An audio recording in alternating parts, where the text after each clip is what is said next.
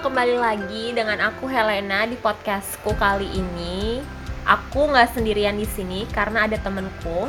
Seperti episode sebelumnya, tebak? Ya, ada Mas Rian di sini. Halo, Mas halo, Rian. halo, Gimana Helena. hari ini? Baik, baik.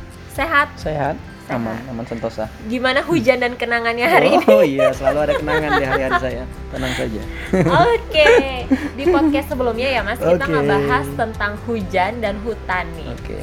Udah disinggung juga di sana kalau misalnya ada eh, campur tangan manusia, salah satunya pemerintah lewat regulasinya. Nah beberapa tahun terakhir ini kita eh, diributkan Oke, diributkan dengan apa nih?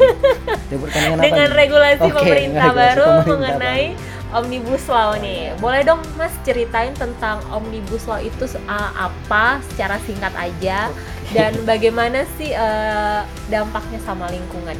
Oke, eh, omnibus law itu sebenarnya hal baru dalam sistem hukum yang ada di Indonesia. Itu yang pertama, karena selama ini kita berbicara tentang hukum per apa ya? Perbagiannya, misalnya tentang kehutanan, oke fokus tentang di hutanan begitu. Tapi omnibus law ini adalah eh, mencoba untuk meringkas semua hukum dan peraturan yang ada menjadi sebuah hukum yang disebut dengan hukum cipta kerja atau dikenal dengan omnibus law. Oke. Jadi bisa dibilang kalau misalnya omnibus law ini kalau nama trennya Iya. itu apa undang-undang sapu. Undang-undang sapu jagat. Iya, sapu jagat karena memang dia menyapu bersih semua undang-undang yang ada, katanya pengen meringkas. Hmm. Nah, tetapi pada akhirnya ada pergolakan di sosial di masyarakat yang sehingga karena melihat bahwa undang-undang ini cacat prosedur, kemudian undang-undang ini banyak menghilangkan pasal-pasal penting Mm-mm. khususnya misalnya kita ketika kita berbicara tentang hutan dan pemanfaatan hutan seperti itu. Oke, eh, ada beberapa pasal penting yang tadi Mas bilang Oke, dihilangkan ya, ya. oke. dan dikritik juga Oh iya oleh jelas. para Iya, iya, aktivis iya, iya, lingkungan iya. kan ya karena nggak hanya berka eh, nggak hanya mengatur tadi eh, tentang pekerja dan usaha tapi Mhm. ternyata ada impactnya di sana juga terhadap lingkungan boleh dong eh, dijelasin mengenai apa sih poin-poin yang ada di omnibus law yang berdampak sama lingkungan Oke, ya, wow, ini berat nih.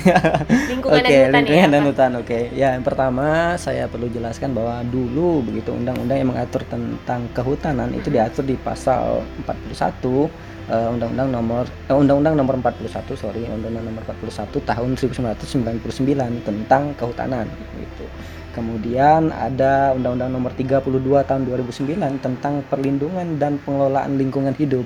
Nah, Oke. keduanya ini tentu saling melengkapi satu dengan yang lainnya, saling eh, apa mendukung satu sama lainnya untuk kemudian menjaga fungsi hutan sebagai tempat untuk kemudian kelangsungan hidup, kemudian tempat untuk bagaimana ketahanan ekosistem itu berada di sana begitu. Nah, dengan adanya undang-undang omnibus law ini begitu, artinya ada beberapa poin yang kemudian eh, di sana disoroti begitu, hilang begitu. Salah salah satunya misalnya mudahnya perizinan pemanfaatan kawasan hutan. Kemudian yang kedua, pemanfaatan kawasan hutan lindung misalnya semakin tidak terproteksi begitu. Kemudian juga ada misalnya juga protes terkait dengan AMDAL yang dulunya sebagai pintu gerbang terakhir dalam penyelamatan hutan tetapi sekarang poin-poinnya itu juga semakin tidak jelas itu bahkan dihilangkan.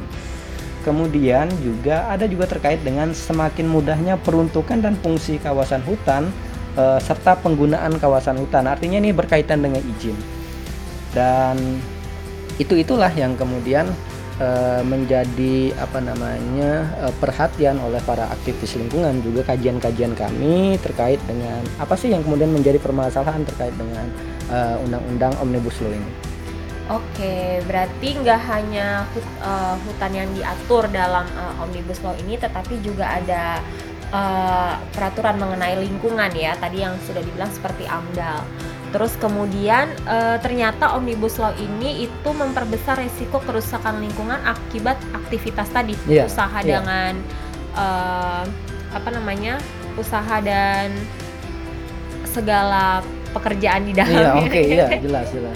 Nah, eh, hal ini yang kemudian menjadi perhatian para aktivis Pada para lingkungan dan aktivis. kemudian eh, di apa ya dirasa eh, mengancam juga da- untuk eh, suaranya masyarakat. Iya, iya. Ya kan itu bagaimana sih sebagai eh, kita yang fokus di lingkungan apa namanya supaya menyoroti ini. menyoroti ini gitu karena ternyata eh, nggak hanya peraturan hutan dan lingkungan tapi membatasi suara masyarakat juga ya mas Iya, iya. Iya, memang ada apa ya? Ketika kita berbicara tentang hukum secara apa namanya? secara apa namanya? konstitusi begitu. Ini pembatasan begitu. Pembatasan bagaimana kemudian hak-hak rakyat rakyat untuk kemudian mendapatkan apa namanya? eh, mendapatkan fasilitas yang disediakan hutan seperti biasanya, kemudian memanfaatkan perlindungan dari hutan seperti biasanya begitu itu eh, hilang gara-gara apa namanya gara-gara adanya kebijakan atau regulasi yang kemudian membuat hutan ini gundul gitu. Kita bisa bayangkan ada 400 sampai 700 juta orang di Indonesia itu yang hidupnya itu tergantung dari hutan gitu. Kalau seandainya begitu hutan diberikan kebebasan untuk eksploitasi untuk apa yang punya modal kapitalisme yang pada akhirnya akan menguasai. Dan masyarakat kecil tentu tidak tidak mendapatkan kembali haknya sebagai orang pribumi di situ. Tidak mendapatkan manfaat dari kemudian menjaga hutan ini selama ribuan tahun. Padahal lewat masyarakat kita bisa memberdayakannya jadi Oh, iya. dari apa jadi masyarakat hutan ya. Iya masyarakat yang hutan. menjaga Iya, hutan iya itu iya. juga. tentu eh, sebenarnya ketika kita berbicara tentang hutan itu ada banyak hal yang bisa kita ekspos begitu. Artinya eh, hutan ini bisa kita jual juga gitu. Bagaimana itu ketika kita misalnya ngomong hutan oh nggak bisa hutan kalau hutan tidak dikelola misalnya tidak bisa memberikan dampak ekonomi secara baik oh belum tentu gitu. Kita punya caranya gitu. Salah satunya salah masyarakat. satunya masyarakat keterlibatan masyarakat bagaimana kemudian apa namanya menggunakan hutan ini sebagai dijaga dirawat kemudian dijadikan objek wisata. Itu bisa sekali. Jadi ketika ada yang berbicara tentang oh ini harus dikembangkan secara masif harus dibuka perkebunan untuk bisa mendapatkan fungsi ekonomi itu eh, sudah bergeser gitu apa namanya eh, pandangan itu gitu. Oke, bisa dikatakan ini bukan rancangan lagi ya, udah undang-undang Iya. omnibus law. Jadi upaya kita adalah sekarang uh, mengawasinya dan Iya. berusaha untuk mencegah uh, perusakan hutan lebih parah lewat hal-hal kecil lainnya gitu. Oke, Mas Rian, Oke. sederhana saja membahas. sama pembahasan kali, kali ini, ini. ya. oke. Ya memang eh, satu ya mbak sebelum kita tutup apa namanya terkait dengan pembahasan hari ini ada poin penting itu bagaimana kemudian keterlibatan kita itu penting untuk kemudian menjaga ketika ada distribusi atau apa namanya pembentukan undang-undang baru sebagai masyarakat kita harus proaktif menyuarakan kepentingan kita kemudian kalau ini kemudian tidak bisa terjadi sudah ada ketuk palu tentu sebagai masyarakat yang taat hukum kita bisa melakukan itu di pra peradilan. Dan saya pikir undang-undang omnibus law ini sudah sudah banyak sekali yang kemudian eh, berkumpul bersatu menyuarakan ini agar kemudian fungsi hutan bisa kembali sepertinya seperti sedia kala kemudian peraturan-peraturan lain yang ganjal begitu itu bisa untuk kita tertibkan bersama. Wah, Oke, wow, ternyata sebenarnya uh, banyak impact dari undang-undang ini banyak ya. sekali. ya. Jadi kalau misalnya teman-teman masa bodoh eh, terhadap undang-undang ini dan merasa Hmm. tidak dirugikan, salah Oh, besar ya. salah besar. Karena walaupun secara nggak langsung mungkin saat ini kita kita nggak eh, terdampak. ya, tapi anak cucu kita Anak cucu atau di kita, kemudian hari teman-teman kita. kita, mm, mungkin terdampak. Ya gitu atau mantan kan. kita, pacar kita, ya nggak tahu kan. Itu harus dijaga, men. Oh ya, ada Oh, di iya. hutan Oh, ya. ada di hutan. Nggak artinya orang-orang yang hidup di sekitar hutan. di Oke, sekitar, oke. siap. Makasih. Makasih Mas Rian udah mau bahas hutan lagi di Oke. podcastku.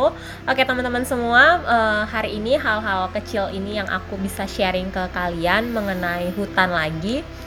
Akan ada banyak hal-hal kecil lainnya yang aku akan share di podcastku besok. Eh, terima kasih. Stay safe and save the earth. Thank you. Yes.